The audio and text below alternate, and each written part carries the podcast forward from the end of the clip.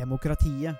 Dette vakre honnørordet som vi elsker å spre rundt oss, eh, og som vi feirer hver 17. mai i en eh, pølsefest og en demokratibonanza. Men en ny rapport fra The Economist eh, påpeker at på global skala så faller andelen demokratier. Det er færre og færre mennesker som lever i såkalte velfungerende, fulle demokratier. Men på topp troner Norge. Og i dagens episode av SOS skal vi se nærmere på hva dette betyr for Norge, men også hva det betyr for verden at eh, det blir færre demokratier i verden. Velkommen til eh, en ny episode av Statsvitenskap og sånt. How dare you? Mr. Gorbachev, tear down this wall. I did not have sexual lips. Hell yes, we're gonna take your AR-15. Well, it's waiting I have a dream. Thank you. Endelig en ny episode av uh, Statsvitenskap og sånt, hvor vi skal snakke om noe vi ikke har snakket om før, Harald, nemlig demokratiet. Ja, tenk på det. Ja, tenk på det. Du har hørt om, du har hørt om, du har hørt om demokratiet før. Jeg har hørt om det før, men jeg er ikke helt sikker på øh, Jeg vet ikke helt øh, hva det er. Nei, da skal du få det korte sånn én setnings, to setningers kurs i demokrati. Det er at demokratiet er roten til alt godt. Ja, så bra. Ja, men Det høres lovende ut. Så mer demokrati er bra. Så mye demokrati som overhodet mulig, det kan du aldri få nok av. Eh, så sånn er det. Det er en, en lov i statsvitenskapen, men eh, det er kanskje Eller var det det? Vi får se. Eh, for til tross for at eh, demokrati er noe som vi tenker er veldig bra, og i hvert fall i Norge eh, Da har vel, du skrevet litt om, Harald, du har i hvert fall noen sterke meninger om den der litt sånn forherligelsen, glorifiseringen av demokratiet. Er det ikke, er det ikke sånn? Jo, det, det stemmer. Det er jo, som du jo var inne på, mange som kanskje tenker litt sånn overforenkla at jo mer demokrati, jo, jo bedre er det. Mm. Eh, og um, mitt eh, ståsted er jo at det- det er kanskje en sannhet med en del store forbehold. Det er ganske store begrensninger for når og hvordan, eh, under hvilke betingelser, eh, demokratiet kan fungere. Mm. Eh, og også i hvilken grad vi nødvendigvis skal feire demokratiet som eh, noe som er nærmest eh, over kritikk, eller som ikke er måte, noe som man kan, eh, kan kritisere nødvendigvis. Mm. Uh, og, um, så, det er, så det er en del um, interessante uh, perspektiver på hva som egentlig er demokratiets uh, sin rolle og plass i, i samfunnet, som er Mm. men ofte blir litt som blir feid litt under teppet, og at man istedenfor uh, feirer demokratiet som løsningen på um, alle sosiale, økonomiske politiske problemer. Og Mm. hvis det er eh, noen problemer, så er det ofte, så er ofte løsningen mer demokrati. Ja. eh, uten at man egentlig vet eller kan forklare hvorfor mer demokrati vil løse problemene. Det er jo et, det er jo et honnørord blitt, i hvert fall i, i, i Norge. Men, og vi har jo snakket om det her da, i, i flere podkastepisoder. Eh, fordi, for de som lurte, så forsøkte jo eh, programleder, holdt jeg på å si, eh, med, med, medvert eh, Vert, jeg vet ikke hva vi kaller oss, jeg, Harald. Men det eh, Prøvde i hvert fall på en, en, en, eh, en eh, liten ironi i starten her, men eh, demokrati er jo noe vi bruker en del tid på. Og, og det er, men det er det mange andre som gjør òg. Deriblant eh, The Economist, innflytelsesrikt britisk magasin, som, eh, som, det følger av navnet, eh, fokuserer veldig mye på økonomi og, eh, og de sosiale relasjonene der, da. Og de har jo en Via et sånt søsterselskap, da, så har de, har de Presenterer de hvert år, har gjort de siste årene nå, en, en demokratiindeks. Der de rett og slett klassifiserer 165 land og to territorier eller noe sånt nå. Og klassifiserer de og ser om de er fullverdige demokratier, eh, litt sånn mislykka demokratier, eller skrantende demokratier, hybridregimer, eller om de er autoritære regimer. Eh, og demokrati er jo en veldig viktig del i denne tradisjonen, da. Eh, og det er jo litt interessant, fordi at rapporten for 2020, den er jo ikke helt god hvis vi tar det fra et sånt litt forenkla demokratiperspektiv. Fordi tittelen heter jo at det globale demokratiet har hatt nok et dårlig år. Vi kan jo si da at det er ikke overraskende, kanskje. Eller du, vi, er, nå du, vi, har, kanskje ikke feira det, Harald, men uh, nummer én på lista, det er jo oss. Det er jo Norge. Ja. Hvem skulle trodd det? Ja, ikke jeg. Det Ja. er, eh, det er litt uh, moro, er det ikke det? For du, du blir litt stolt når du, når du ser den lista. Ja, i og for seg. Altså, man kan jo, man kan jo lett bli det. Det som Det er jo i og for seg fint at, at Norge gjør det bra, og det er eh, jo eh, veldig fint å kunne bo i et velfungerende eh, demokrati.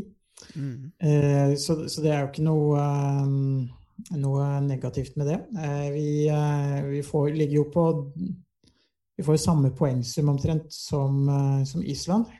Begge blir gitt 9,41 poeng ut av 10 av eh, The Economist. Så i, eh, det er jo omtrent en del en del Nei, skal vi se 9, Nå leser jeg feil her. Jeg så på feil uh, Ja vel uh... Linje. 9, det var um, ja, 9,81 får vi i Norge. Så får Island totalt sett 9,37. Så det er, Det er en stor forskjell.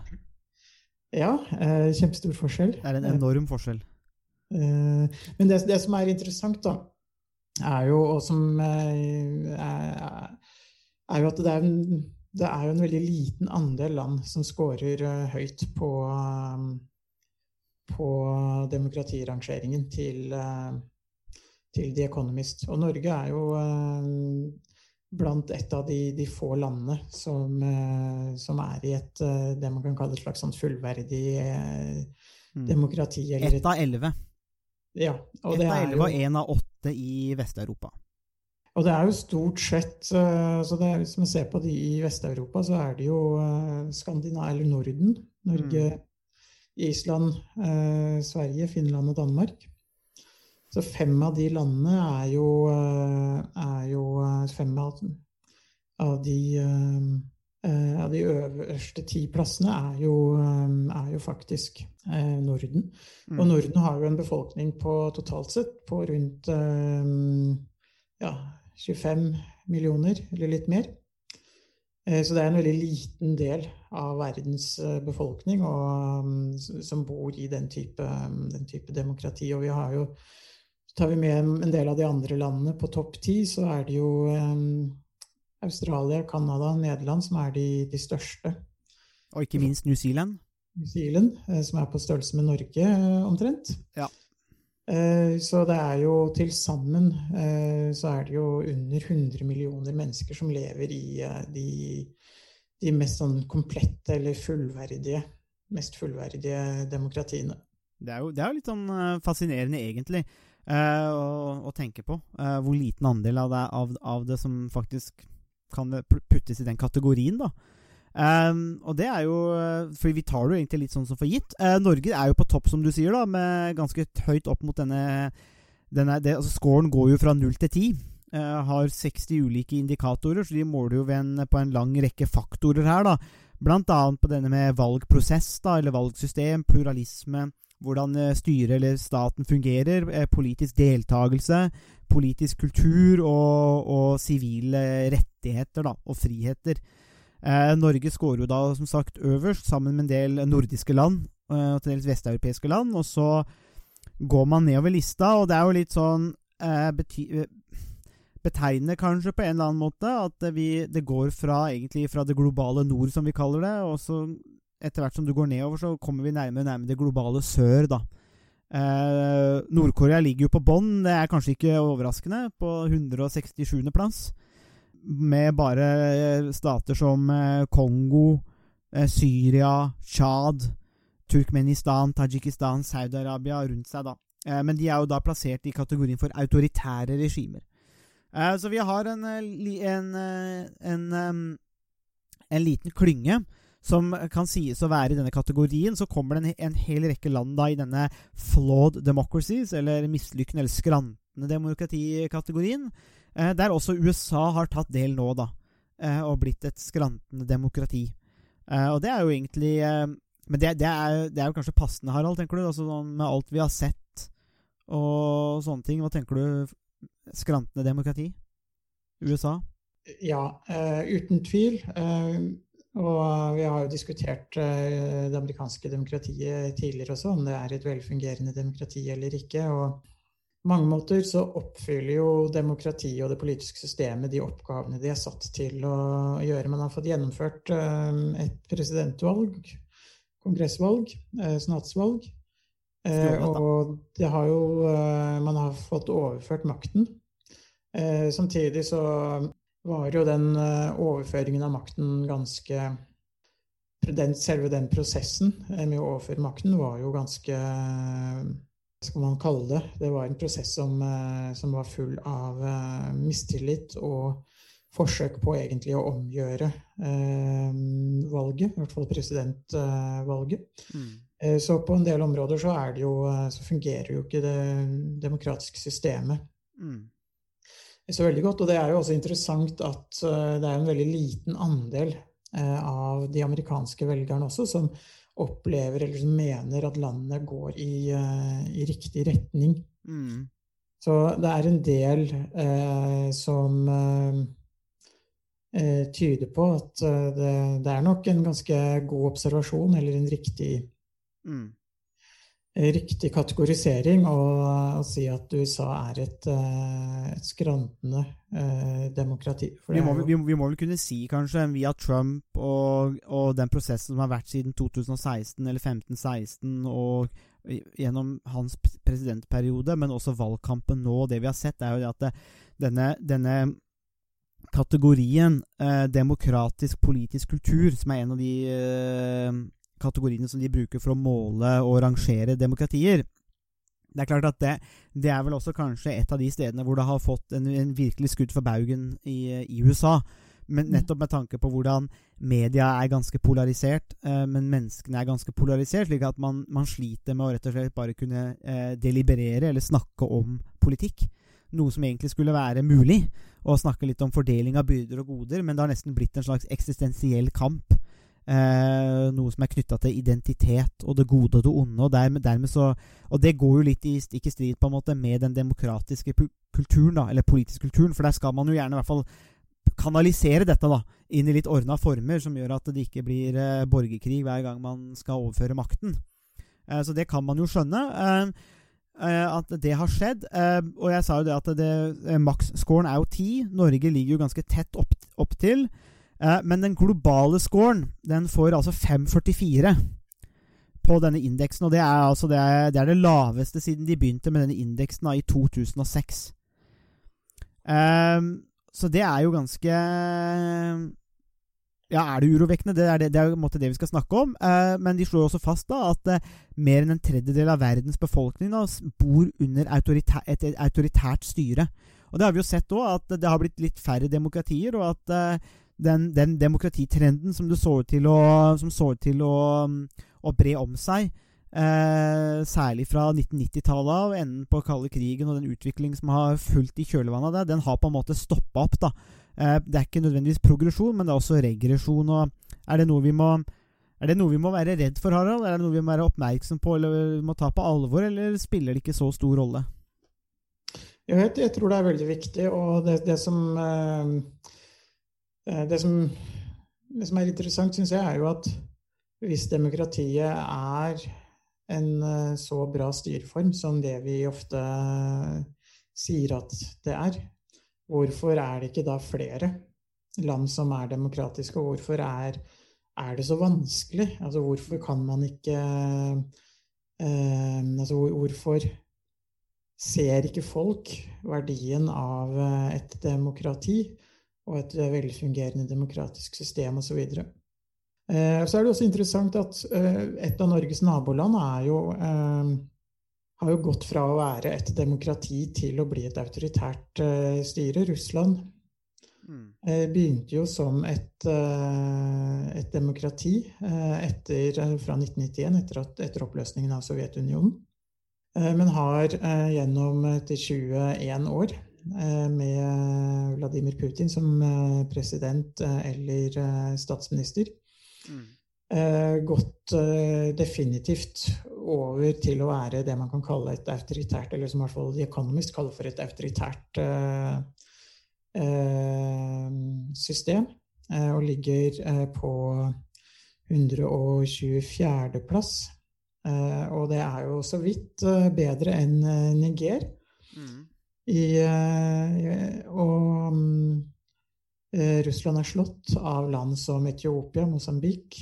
Eh, så så jo, man, ser jo også at det, det har gått tilbake, også i, i store, viktige land. Og det har jo også litt betydning for Norge når et naboland beveger seg i en udemokratisk retning. Forholdet mellom Europa og Russland har jo eh, blitt vesentlig eh, kaldere eh, og mer eh, komplisert, eh, spesielt siden eh, 2014. eh, Mm. Etter annekteringen av Krim-halvøya. Mm. Og det ser vi nå med Navalny ikke opposisjonsledelsen, og hvordan også det nå skaper konflikter i Europa, da, eller mellom EU, Europa og Russland. Ja, det gjør det, og det, det overrasker meg jo litt at eh, de store demonstrasjonene eh, mot Vladimir Putin har fått såpass liten eh, oppmerksomhet i, i norske medier.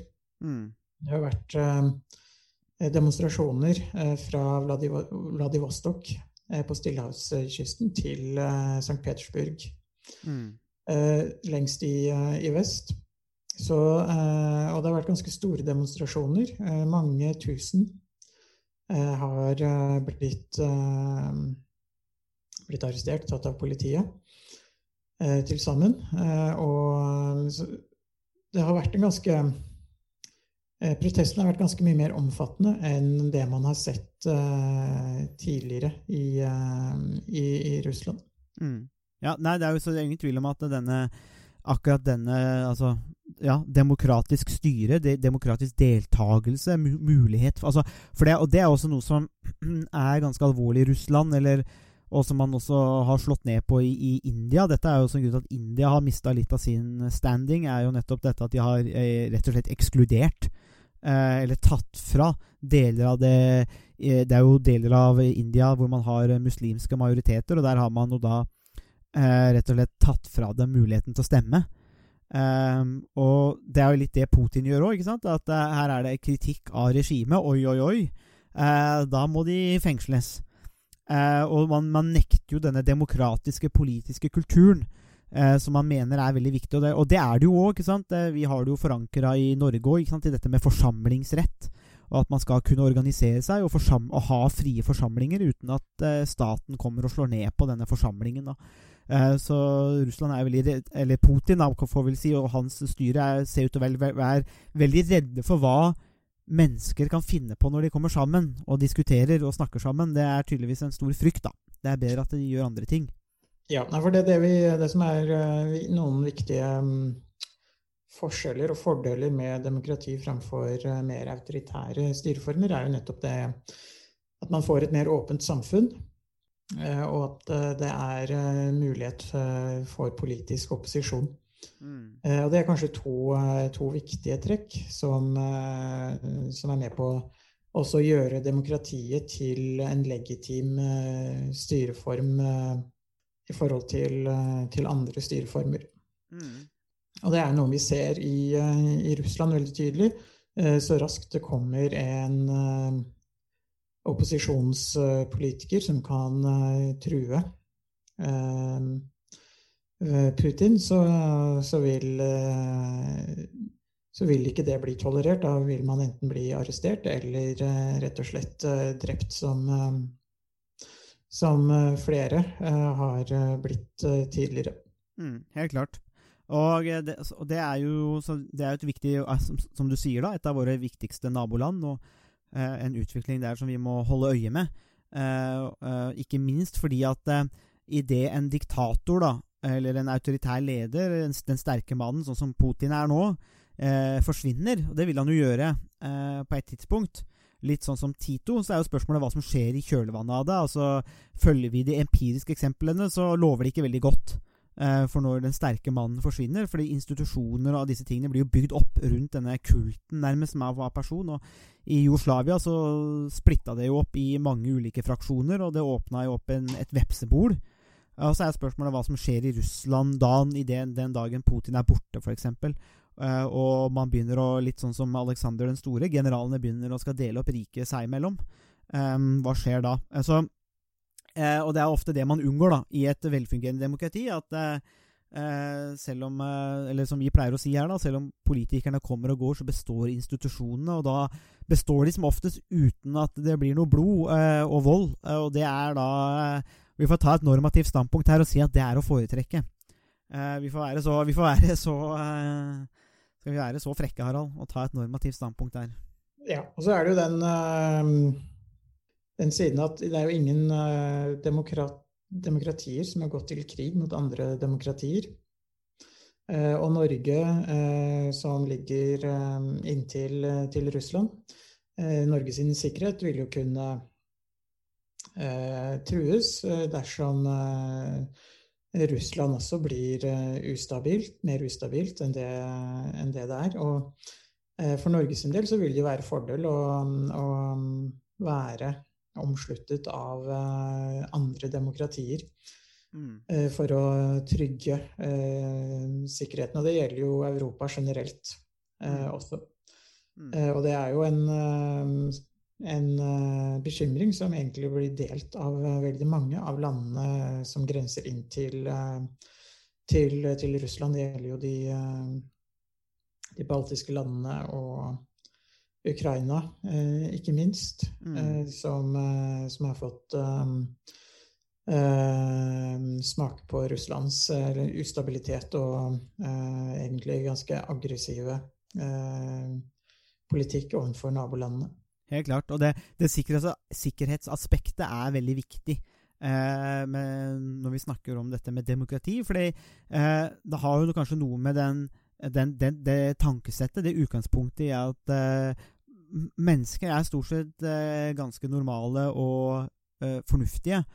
Og de aller fleste har ikke noe ønske om å ofre livene sine i krig, eller reise til andre land og krige eh, og gjøre disse tingene. Vi foretrekker litt mer tryggere liv på, jevnt over, og samarbeide og nyte godt av de godene som frihet og samarbeid på en måte skaper. da. At man ikke har denne sikkerhetstrusselen over seg. Og de fleste, og det ser man jo, ser man jo at, og de fleste er ikke interessert i å reise til andre land og krige og bruke, kaste bort livene sine der, og potensielt dø.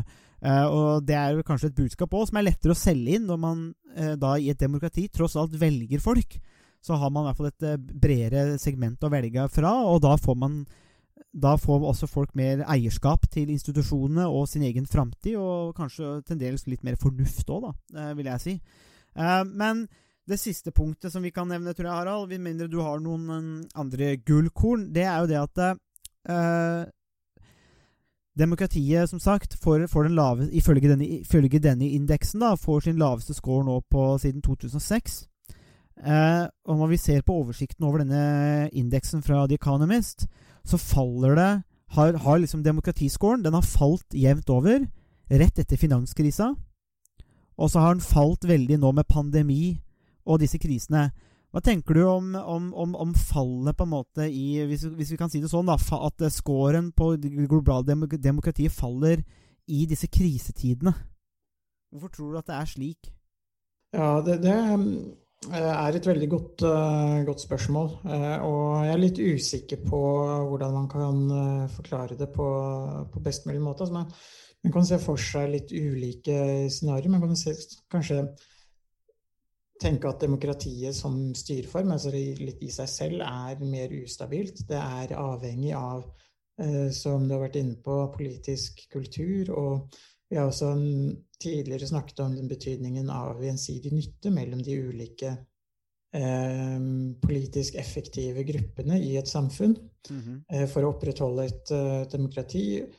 Eh, så det er kanskje litt det at når eh, samfunnet kommer under eh, press, så, så, vil også demokratiet komme under press fordi det er bygd på tillit og en gjensidig nytte og en grunnleggende enighet om betydningen av de demokratiske eh, ressursene. Så når det kommer kriser, så vil, vil demokratiet kunne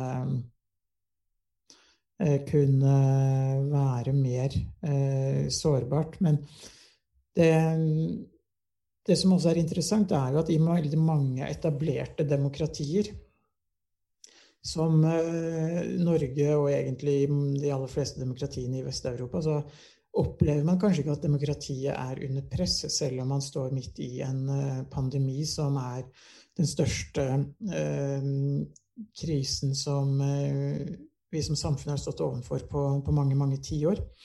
Eh, så det er kanskje større grad de eh, demokratiene som er mer sårbare, som eller hvor demokratiet er litt svakere, hvor den politiske kulturen er litt svakere også som først og fremst eh, trekker, eh, trekker, ned eh, totalinntrykket. At det er de, de, landene hvor demokratiet Den demokratiske stabiliteten står svakere i utgangspunktet. Også mm. rammes hardere av, eh, av kriser som finanskrisen og eh, pandemien som vi står midt oppi i nå. Mm. Ja, jeg tenker det er et uh et godt poeng, og vi må kanskje se litt på disse materielle faktorene òg her. At, um, for det, som jeg nevnte òg, at det er en del yngre demokratier um, i andre deler av verden. Altså, altså, jeg tenker på noen type India, um, men også kanskje Brasil, Ghana, Ungarn, Polen, Peru har vi, Mongolia, Indonesia. Dette er også mye nyere demokratier som, som har falt en del i skår, men det er også land med der, der denne kulturen ikke har ikke har fått etablere seg over lang tid. Altså, dette er noe som har måttet ha kommet i en slags avkoloniseringsprosess, og gjerne etter Sovjetunionens fall i noen tider, noen tilfeller, og andre steder har man blitt kvitt koloniherren. Men det er jo på ganske kort tid, og så henger det ofte sammen med en del land en enorm fattigdom. Eh, ikke sant? Altså India, som er verdens største, det er mye rikdom, og det er altså ufattelig mye fattigdom eh, i India. Uh, og det gjelder en del av de landene rundt der hvor, hvor det faller. da Tunisia, Filippinene, ikke sant Ghana, Ungarn, Polen. altså Det er med store materielle faktorer. Så jeg tenker kanskje at det også har en, uh, en, en forklaringsfaktor her, da denne, disse materielle delen nå. At uh, når det er krise og sånn, eller kriser, rett og slett, så tærer man kanskje litt på det som du nevnte òg, denne gjensidige nytten. Det blir ikke åpenbart hvilken nytte du har av det systemet. Eh, kanskje du blir pressa på, på, samfunnet, på livet, og så eh, eh, kan det kanskje det kan presse, presse fram en del eh, eh, andre typer partier, demagoger kanskje, eller politikk. Og så er det noe med det som også har gjort at det har falt, er jo det at vi har fått en del strenge tiltak. Eh, til dels noe overvåkning i noen land. av innbyggere. Det er litt i Norge òg, ikke sant, men at vi har ganske kraftige i mange land så har vi fått en del ganske kraftige innskjerpinger og begrensninger, og der staten rett og slett har satt ned foten og begrensa en del av individet. Og da går du løs på disse sivile frihetene, som er en annen faktor i denne indeksen. Da, men da kan man jo også spørre seg eh, det at uh, noen land tar kraftige grep for å overvåke og kontrollere smitten, er det, er det noe som er et problem for et demokrati, eller er det noe man må leve med, da? Ja, og det er jo eh, veldig interessant, fordi det, det, det man kan uh, kanskje trekke ut av det, er jo at noen uh, politikere i noen land tenker at, eller mener at man må begrense demokratiet for å overvinne uh, pandemien, og at demokratiet er en styreform som ikke passer i situasjoner med mm med store kriser. Eh, og hvis det stemmer, så kan jo det være et argument eh, mot demokrati som, eh, som, en, som en styreform. Så, og det er jo På en måte kan man jo kanskje si at i enkelte, under enkelte, enkelte situasjoner, krisesituasjoner, unntakssituasjoner, så, så vil det jo kunne være forsvarlig å begrense enkelte rettigheter som vi har som, eh, som, borgere. Men eh, i så fall så må det jo ofte gjøres på en måte som er under demokratisk eh, kontroll. Mm. Som er tidsavgrenset, og som, som følger en del eh, prinsipper for å gjøre det åpent, gjennomsiktig, eh, og eh, man har en, en klar løsning for hvordan man skal gå tilbake til et mer normalt eh, politisk Eller mer normalt samfunn. Mm. Mer normalt politisk liv også. Mm, ja, det er, jo, det, på, det, er, det er jo sikkert en del eh, ulike statsledere rundt omkring her som har sett sitt snitt til å ta dette sjokket og vri det til sin egen vinning. Ja, og det er vis- også et viktig poeng, tenker jeg, at det er noen som, eh, som ser det her som en unnskyldning til uh, å stramme grepet for å uh, å fremme sin egen, uh, egen makt. Mm. Ja, det er Og det tenker jeg er, er en viktig del av det her. Og når man har en så alvorlig eh, sikkerhetstrussel da, som denne pandemien er, for den truer jo folks sikkerhet, så, så tenker jeg nok at det er mange som finner det veldig lett å eh, få gjennomført lover, eller få gjennom lover og tiltak som, eh, som er udemokratiske, da. Så er jo spørsmålet har man mekanismer til å korrigere det. Og på en måte så kan vi jo kanskje si at her gjorde Norge noe som var bra òg, i den forstand at eh, de lovene der, der, og da regjeringen i fjor også ba om å utarbeide eh, eh, lovforslag eh, og mulighetene for å for mer makt, rett og slett, da, til regjeringen, så var jo også Stortinget mot dette. da. Eh, de skulle, det skulle være demokratisk kontroll. Og det, og det var jo ikke fordi at de ikke trodde kanskje på eller stoler på Erna eller tror at det skal misbrukes på noen som helst måte, men det er noe med spillereglene. da, At de tross alt skal følges, og så får det bare være at eh, det, da må det gjennom Stortinget. Og så vil kanskje noen si ok, men da blir det tungvint, og det blir tungrodd, og det tar lang tid og sånne ting. Men, men kanskje det at eh, selv tiltak som tar en dag eller to eller tre lengre, men gjennomgår politisk eller demokratisk kontroll, og, og at det er gjennomsiktig, kanskje det er en pris da, som er verdt å betale òg. At man gjennomfører og følger, følger de reglene og man følger de prosessene, rett og slett fordi man vet at det, det er en slippery slope idet man eh, begynner å kaste en del på disse tingene òg, så er det veldig lett for neste gang at man dropper det. Og så vet vi jo også at de er såkalte sunset clauses, eller lovene, som man eh, innfører, eh, og gjerne i terrorforskningen så har man jo innført en del lover som skulle være midlertidige fra 2001 av. Og i USA så sitter man jo fortsatt med de lovene. De har blitt permanente. De, ble, de, aldri, de, de skulle være midlertidige, men de har blitt permanente lover nå. Eh, slik at noe som var ekstremt, eh, har blitt normalisert. Og da tenker jeg kanskje at det er fint at man beholder den demokratiske kontrollen, da. Ja, eh, og det, det er jo eh, også noe av det som er man kan si noen, En av de store fordelene med demokrati, nemlig det med, som vi har vært inne på, med åpenhet, eh, og at man har mulighet til å ha en opposisjon, noen som kan, eh, som kan komme med motargumenter. Mm. og jo, eh, st- i- jo flere rettigheter som blir kneblet og kommer under press, jo vanskeligere kan det være i krisesituasjoner, i vanskelige situasjoner, og for opposisjonen og for eh, sivilsamfunnet, resten av samfunnet, å komme til, um, til uttrykk. Mm, Jeg tenker jo at det går litt inn på det du sa i stad, Harald. Nettopp det med at demokrati er ganske vanskelig å gjennomføre. Og når man står overfor kriser, så kan det være veldig vanskelig å gjennomføre det eller holde seg til reglene. For da vil man, man vil at ting skal gå fort. Altså det skal være effektivt og sånne ting. Eh, og det bare viser hvor vanskelig det her er, da.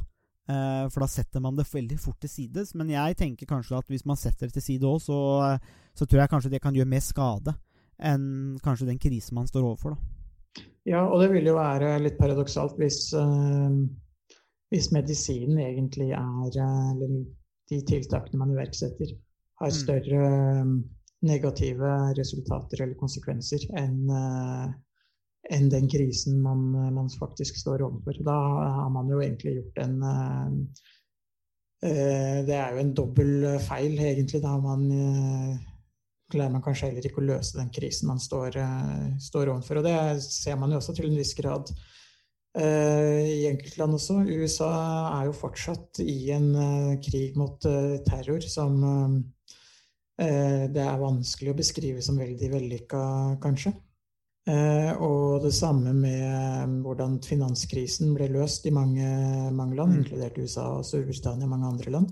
2007-2008 så var det jo også har man jo, ikke, har man jo heller ikke har man jo heller ikke eh, kommet gjennom den krisen på en, på en god måte, hvor demokratiet også til en viss grad har vært skadelidende.